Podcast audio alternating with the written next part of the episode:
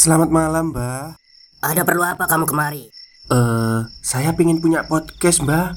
Biar pacar saya makin cinta sama saya. Loh, loh, loh. Mau bikin podcast kok tanya dukun? Sekarang kamu download aplikasi Anchor.fm. Di situ kamu bisa buat podcast gratis dan podcast kamu bisa didistribusikan ke platform mana pun. Dan di aplikasi atau website Anchor.fm juga terdapat fitur-fitur yang memudahkan kamu untuk membuat podcast. Oh, gitu ya, Mbak. Kalau gitu, saya boleh minta password wifi-nya, Mbak. Buat apa? Buat download Anchor.fm, Mbak.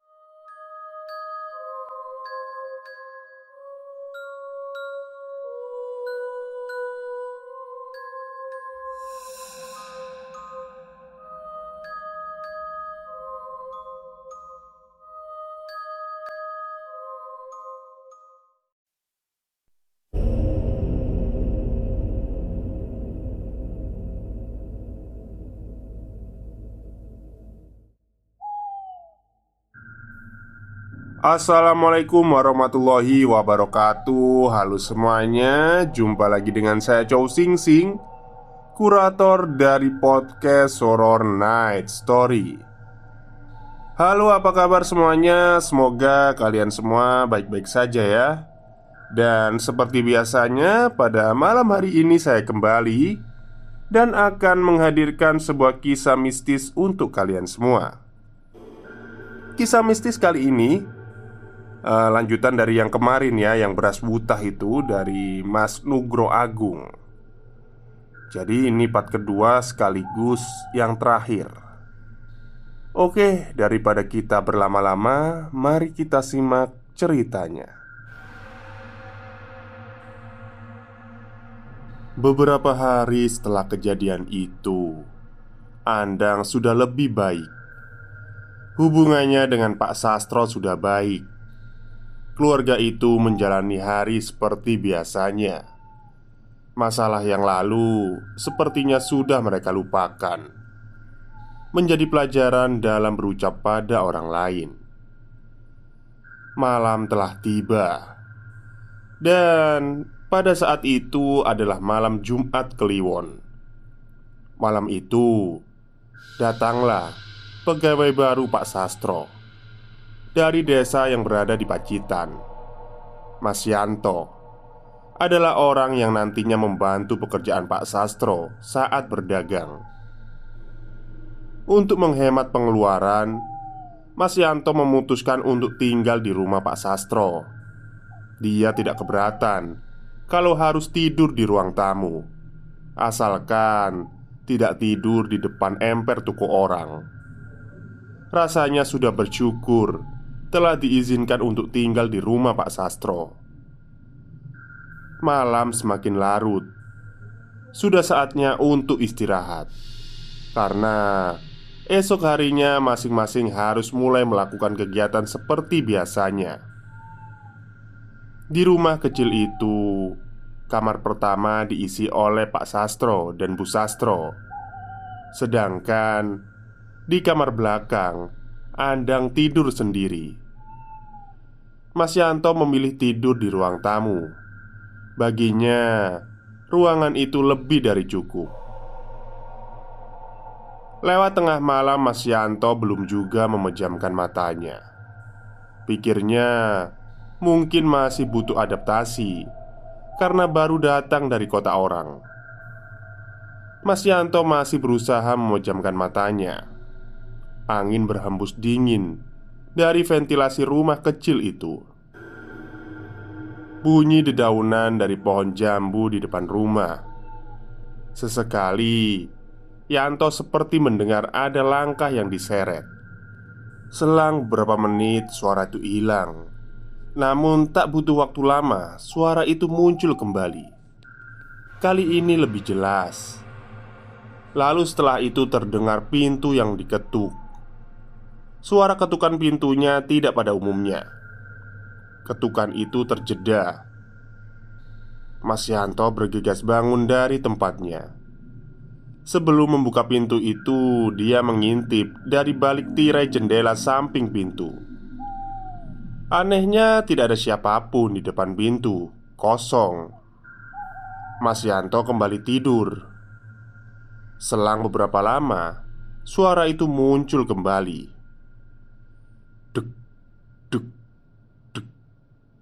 Kali ini lebih sering. Mas Yanto bangun kembali, melakukan hal yang sama, dan menemukan hasil yang sama. Mas Yanto sudah tak mau lagi peduli. Dia kembali ke tempat tidurnya dia miringkan badannya ke sebelah kanan. Suara itu kembali datang. Kali ini, Mas Yanto hanya diam, berharap penghuni rumah lain membuka pintu. Namun, sampai suara itu hilang, tidak ada seorang pun yang datang membuka pintu.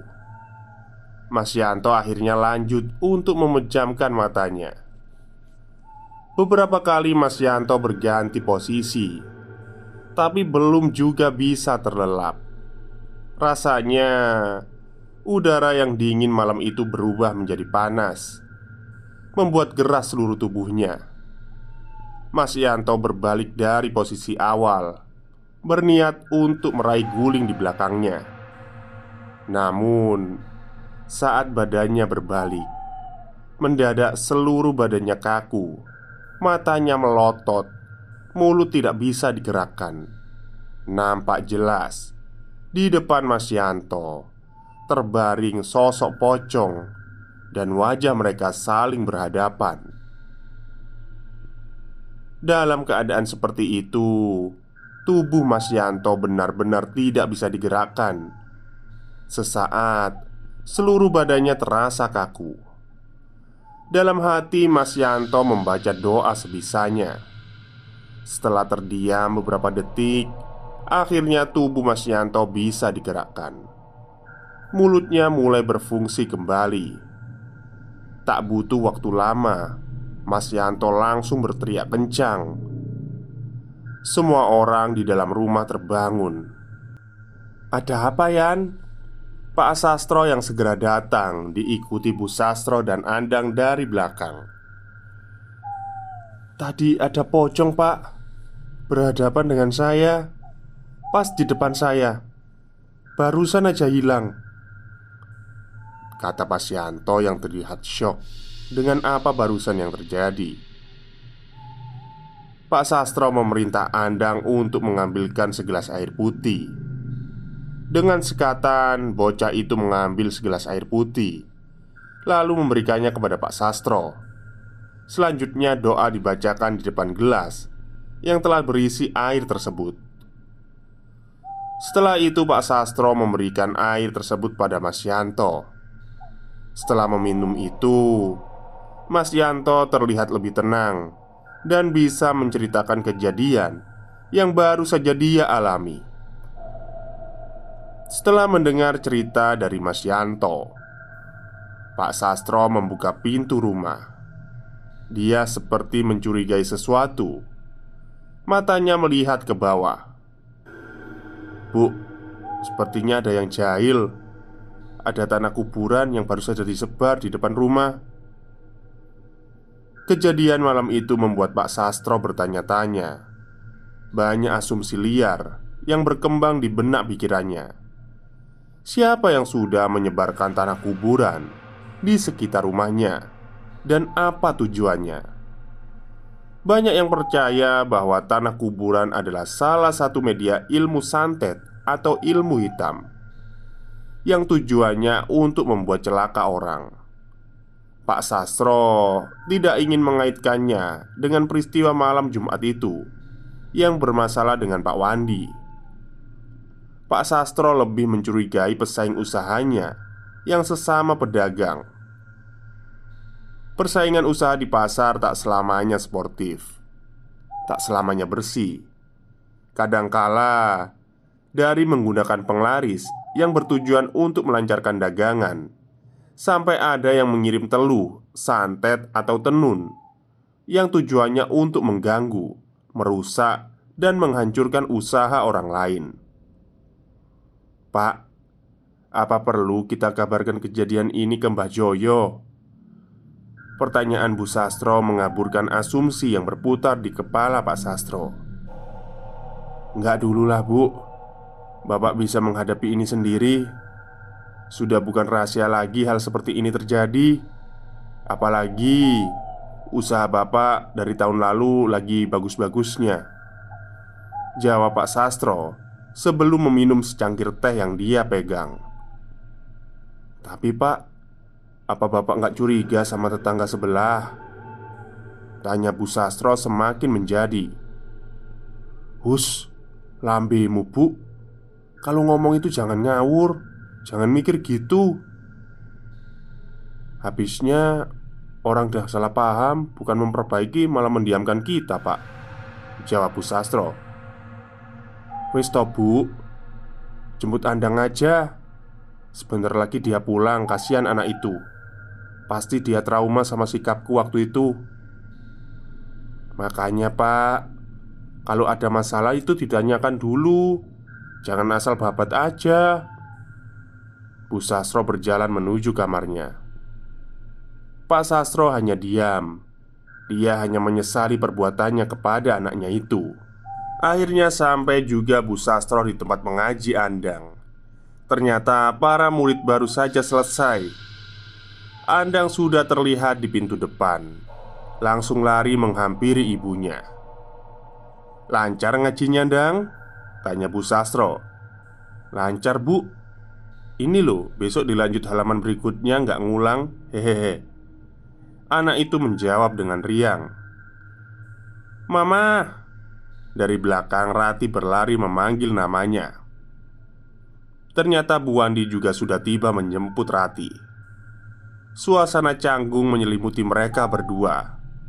Masing-masing hanya diam Mengalihkan pandangan satu sama lain dalam hati Bu Sastro ingin menyapa, tapi hatinya belum menerima akibat tuduhan serius kepada tetangganya itu. Andang sampai luka-luka dihajar oleh bapaknya. Rati, kamu gak dinakalin sama Andang kan? Enggak mah, jawab Rati. Pertanyaan itu memancing reaksi Bu Sastro. Ngapunten bu, Andang memang anaknya aktif suka main jago-jagoan kalau sama teman-teman laki-lakinya. Tapi ngapunten kok bisa Bu Wandi tanya seperti itu? Bu Wandi berjalan mendekati tubuh Bu Sastro. Saya tanya seperti itu takut anak saya dikerjain seperti yang lalu Karena masalah kemarin Wajar dong, saya kan mamanya Ya wajar bu Tapi apa maksudnya bertanya saat berada di samping saya? Bu Sastro masih meminta penjelasan ke Bu Wandi Kenapa? Anda nggak terima?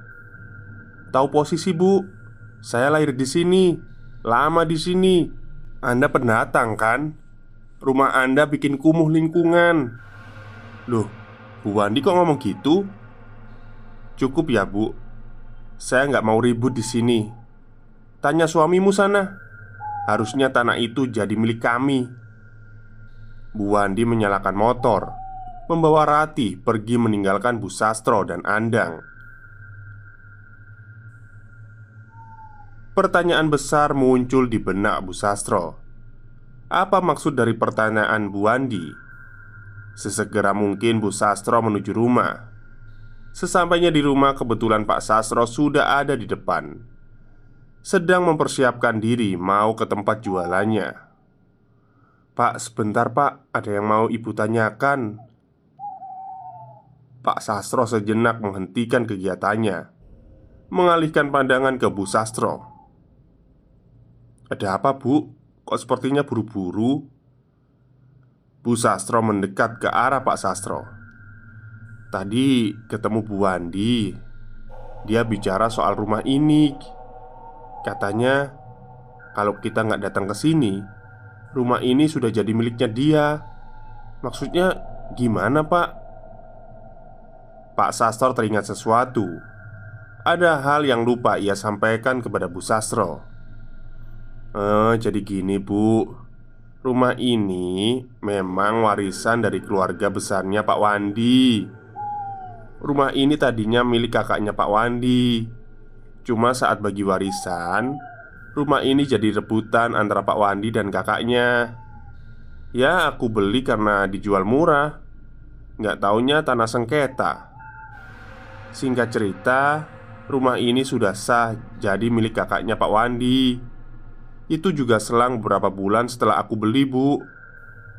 Dari penjelasan itu Bu Sastro menyimpulkan Mungkin keluarga Ruswandi sudah tidak suka dengan keluarga ini dari awal mereka datang Malam itu Pak Wandi dan Mas Yanto baru saja pulang.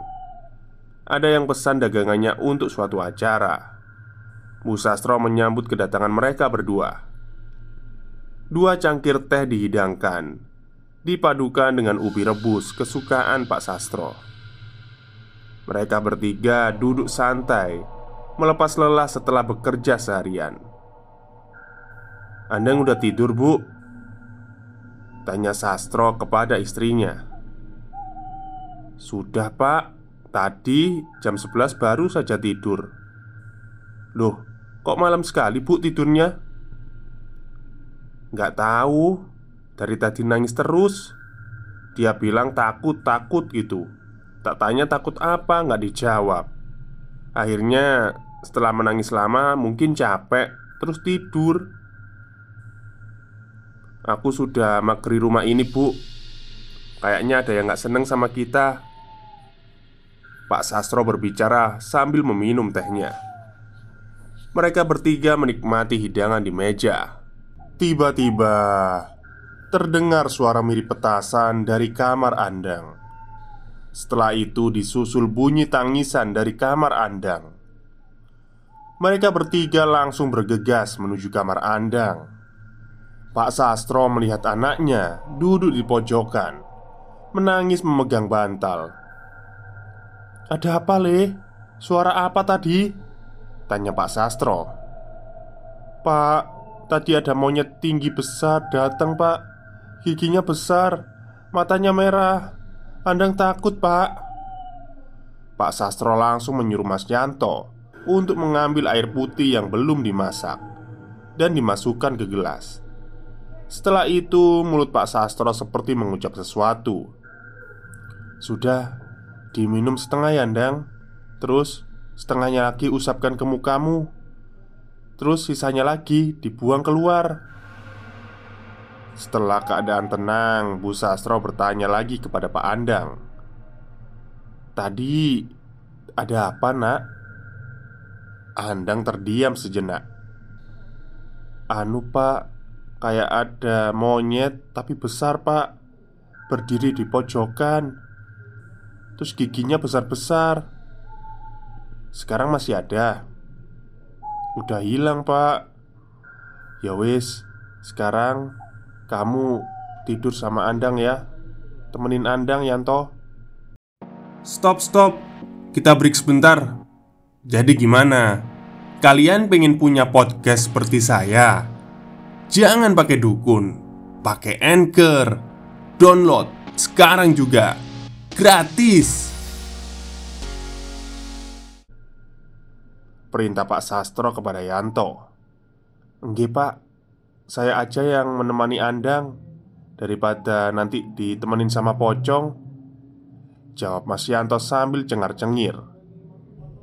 Tiba-tiba terdengar suara pecah Dari depan Bu Sastro dan Pak Yanto Serta Pak Sastro mereka menemukan kaca yang sudah dipecah. Dilempar sesuatu dari luar, didekatkan pecahan kaca, ditemukan benda yang dibungkus dengan kain putih. Pak Sastro mengambil benda itu, membukanya secara perlahan. Di dalam bungkusan kain itu ternyata hanya batu. Lalu Pak Sastro mengalihkan pandangannya pada kain pembungkus batu itu. Di dalamnya terdapat pesan Pati pegat minggat Ucap Pak Sastro membaca pesan ancaman itu. Keesokan harinya hal yang tak terduga terjadi. Pak Sastro mendadak sakit. Tubuhnya tergeletak lemas di atas kasur. Sesekali dia menjarit kesakitan Memegangi kepalanya Nasib yang sama dialami juga oleh Andang. Tubuhnya kaku. Kepalanya terus menengok ke sebelah kiri. Seperti ada yang menarik. Andang hanya menangis, menahan sakit. Saat kepalanya menoleh ke sebelah kanan Badannya ikut terangkat sesaat. Andang seperti sedang dibuat mainan oleh sosok yang tak nampak itu Sesekali salah satu kakinya mengangkat ke atas bersamaan dengan tangannya. Seperti ada yang menarik. Bu, Andang wis gak kuat bu. Badan Andang sakit semua. Andang berteriak kesakitan. Sesekali omongan Andang sudah ngelantur.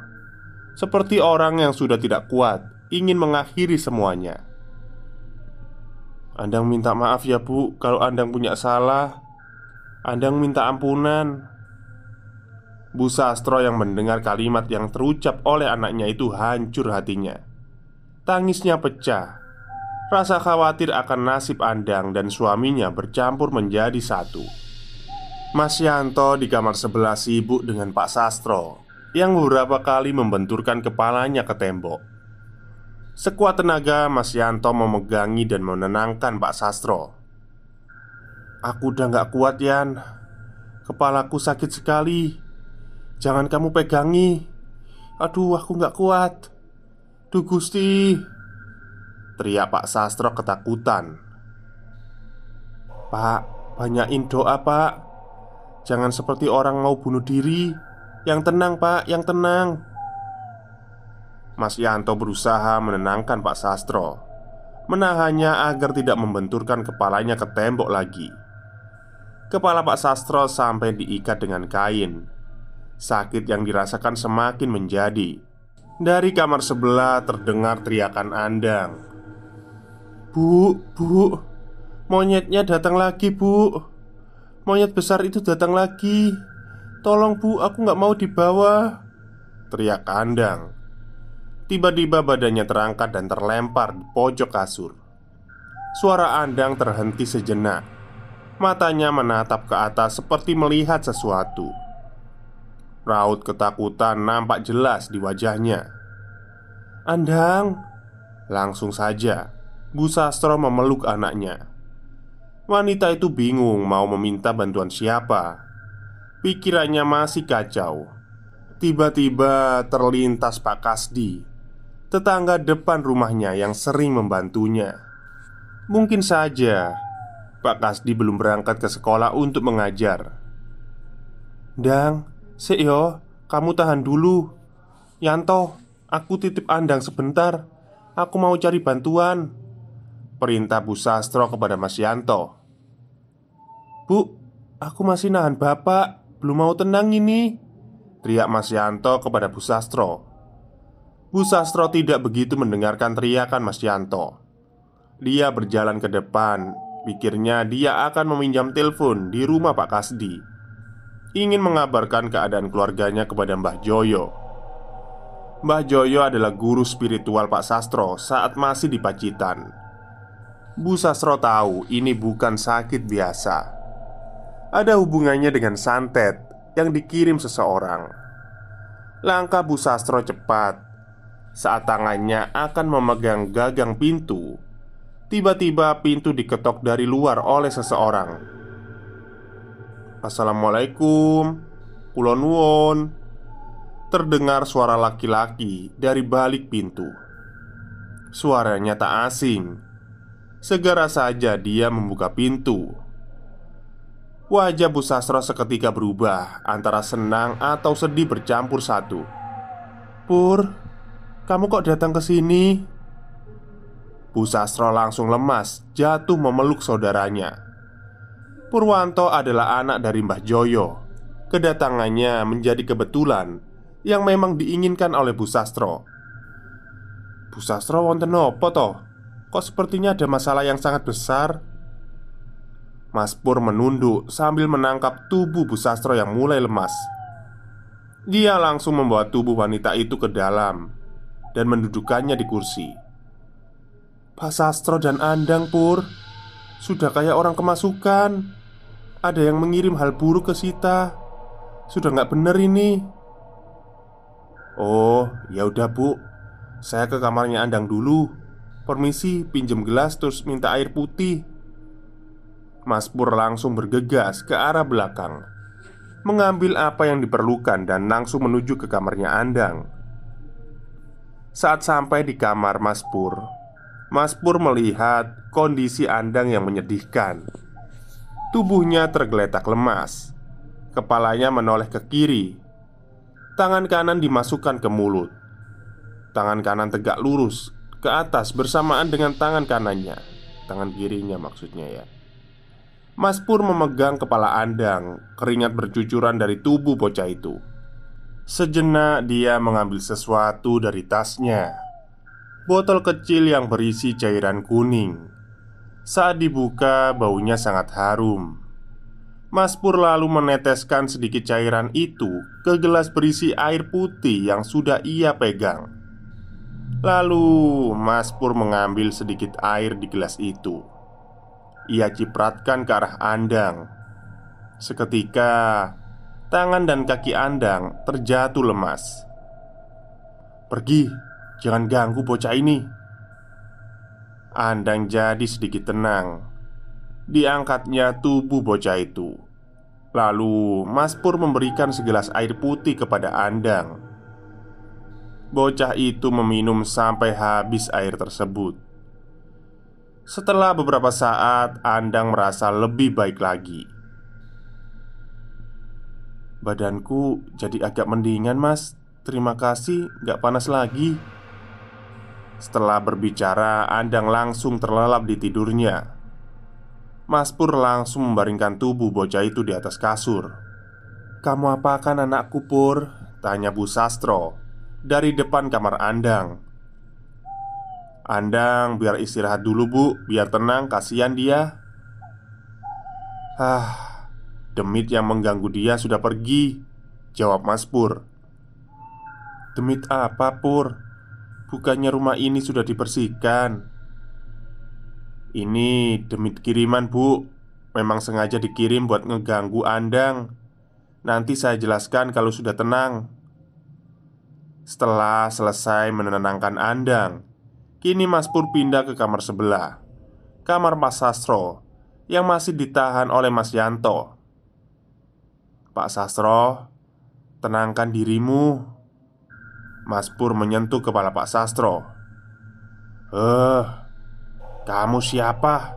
Pergi, pergi. Teriak Pak Sastro marah mengusir Mas Pur yang datang. Mas Pur tetap memegang kepala Pak Sastro. Mas, tolong pegangin kakinya Pak Sastro. Ujarnya kepada Pak Sianto Mantra dibacakan oleh Mas Pur Seketika itu juga tubuh Pak Sastro tambah memberontak hebat Mas Yanto hampir kewalahan menahan tubuh Pak Sastro. Perlawanan hebat dilakukan oleh Pak Sastro. Wajahnya memerah, matanya melotot menatap tajam Mas Pur.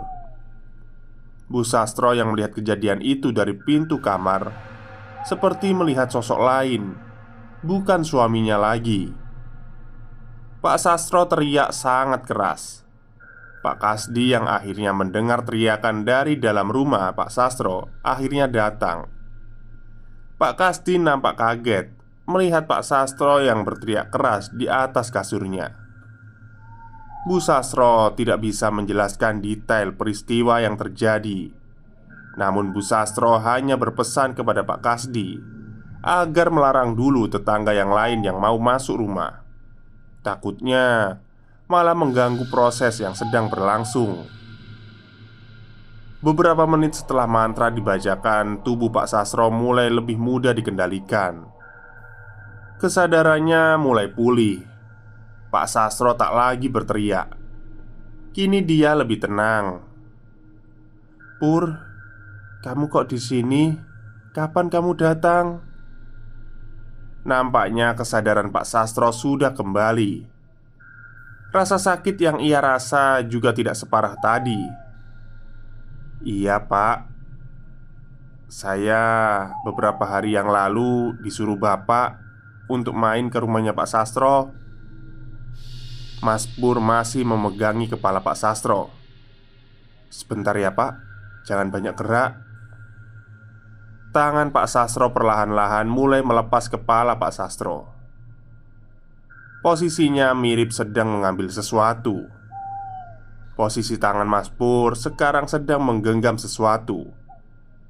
Lalu di depan Pak Sastro yang bersandar di tembok Dia membuka genggaman tangannya. Apa itu Pur? Besi? Tanya Pak Sastro kepada Mas Pur Enggak pak, ini kuningan. Mas Pur memperlihatkan besi kuningan berbentuk balok. Ukurannya kecil Jumlahnya ada tiga.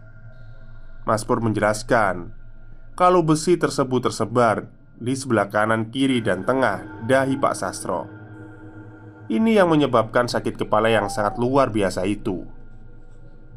Beberapa jam kemudian, kondisi rumah Pak Sastro kembali tenang. Para tetangga sudah kembali ke rumah masing-masing. Mas Yanto dan Mas Pur sedang ngobrol. Tak berselang lama, Andang dan kedua orang tuanya ikut bergabung di ruang tamu. Wah, sudah kumpul semua ya. Saya jadi bisa menyampaikan pesan Bapak. Celetuk Mas Pur. Kok kamu bisa pas gini sih Pur ke sininya? Bisa pas banget ada kejadian seperti ini Kata Bu Sastro kepada Mas Pur.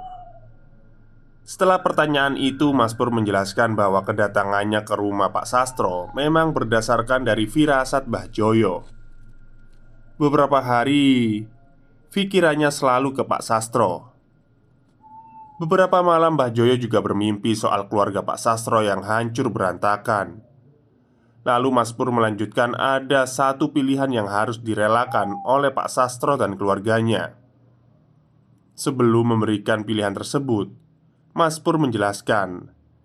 Ada orang yang sengaja menyerang mereka dengan ilmu hitam. Yang dikirim adalah santet dan teluh Yang tidak akan selesai sebelum si korban Memilih merelakan salah satu dari tiga hal utama dalam kehidupan. Mas Pur menjelaskan dan menyebutkan namanya adalah beras wuta. Kutukan ini menyerang korbannya dengan menghancurkan rezeki yang diterima oleh korbannya. Rezeki dalam bentuk harta, rezeki dalam bentuk jodoh, dan rezeki dalam bentuk kesehatan. Semakin melawan, semakin kuat kekuatan hitam itu. Terus, pilihannya apa, Pur? Apa yang harus saya relakan? Tanya Pak Sastro serius. Pesan dari Pak Sastro diterima jelas. Pati pegat minggat. Jenengan bakal kena salah satu. Nek Pati Salah satu keluarga jenengan bakal ada yang mati. Kalau pegat Keluarga ini bakal pisah. Dan kalau jenengan milih minggat Berarti rezeki Anda bakal hilang sandang, pangan, papan bakal kekurangan. Mas Pur menjelaskan kemungkinan yang terjadi pada keluarga Pak Sastro. Terus, piye iku milene? Jenengan pilih salah satu dari tiga itu. Gunting siji sing dipilih setelah itu jenengan bakar. Jawab Mas Pur. Terlihat wajah sedih dan bingung dari Pak Sastro. Semuanya hal yang penting. Tugas saya sudah usai. Saya mau langsung izin pulang. Rumah ini pun sudah dipageri, tapi hanya bisa bertahan 9 bulan saja. Kata Mas Pur yang tiba-tiba ingin pamit pulang. Tambahan lagi, yang mengirim ini pelakunya sudah jelas ya. Tetangga Anda, Pak. Pesan bapak saya, Anda harus ikhlas, jangan dibalas, biar Tuhan yang membalas.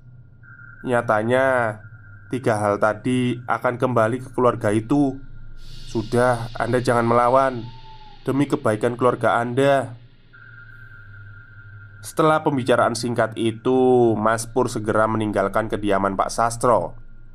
Beberapa barang dipindahkan dari dalam rumah ke atas mobil bak terbuka.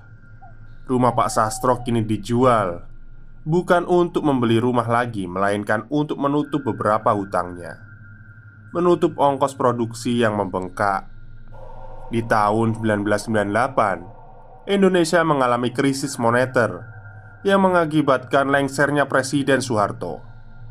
Harga melambung tinggi, demo, anarkisme terjadi di beberapa tempat. Beberapa perusahaan tutup karena ketidakstabilan ekonomi saat itu. Hal tersebut juga berdampak bagi usaha Pak Sastro. Usahanya tidak lagi bisa dipertahankan dia merelakan hampir semua hartanya. Pak Sastro, Bu Sastro, dan Andang pindah dari lingkungan rumah lamanya. Mereka kini tinggal di sebuah kontrakan. Jangankan untuk menonton TV, untuk mendengarkan radio saja mereka tidak punya. Kondisi hidup mereka benar-benar turun drastis. Pak Sastro teringat akan hal yang dia pilih saat itu. Ada kaitannya atau tidak tapi semua ini tetap harus dijalani dengan ikhlas. Hal yang penting saat ini adalah keluarganya yang masih utuh. Keluarga Sastro masih bekerja sebagai pedagang. Walau begitu, mereka harus memulai dari nol lagi. Bertahun-tahun keluarga Sastro bekerja membanting tulang. Andang tetap melanjutkan sekolahnya dengan meminta beasiswa bantuan Andang juga diterima di salah satu sekolah favorit. Anak itu harus bekerja saat sore dan sekolah saat pagi. 2022, keluarga itu semakin membaik. Kerja keras mereka menghasilkan buah yang manis. Rasa ikhlas yang mereka jalani tahun-tahun lalu memberikan pelajaran yang berharga. Wong ngalah, urung tentu kalah. Orang yang mengalah belum tentu kalah. Kalimat inilah yang sering Pak Sastro katakan dalam menjalani hidupnya. Keadaan keluarga Ruswandi justru sebaliknya. Rumah yang mereka tempati sudah dijual sekitar tahun 2018. Rumah yang mereka bangga-banggakan, status sebagai orang asli daerah itu akhirnya hilang secara perlahan. Pembalasan dari Yang Maha Kuasa memang selalu ada hanya saja prosesnya kita tak perlu tahu. Biarlah yang kuasa yang membalasnya. Kita fokus saja dalam menyebar kebaikan dalam hidup dunia. Cerita ini sebenarnya masih panjang Tapi saya cukupkan untuk treat ini. Cerita-cerita saya akan saya masukkan dalam medium yang lebih pas untuk menulis cerita yang panjang. Semoga dari cerita ini kita bisa mengambil pelajaran baiknya dan membuang segala hal buruknya. Beras wuta selesai. Oke, itulah akhir cerita dari Beras Wuta yang dituliskan oleh Mas Nugro Agung ya. Panjang sekali ternyata dan akhirnya selesai di malam ini. Ya, pada akhirnya tidak ada kejadian yang meregang nyawa ya. Dan dari kejadian itu, Pak Sastro memilih lebih kehilangan hartanya daripada kehilangan keluarga, dan keluarganya berpisah. Pilihan yang bijak menurut saya, ya, karena keluarga itu adalah segalanya. Oke, mungkin itu saja yang bisa saya sampaikan pada malam hari ini. Kurang lebihnya, saya mohon maaf. Wassalamualaikum warahmatullahi wabarakatuh.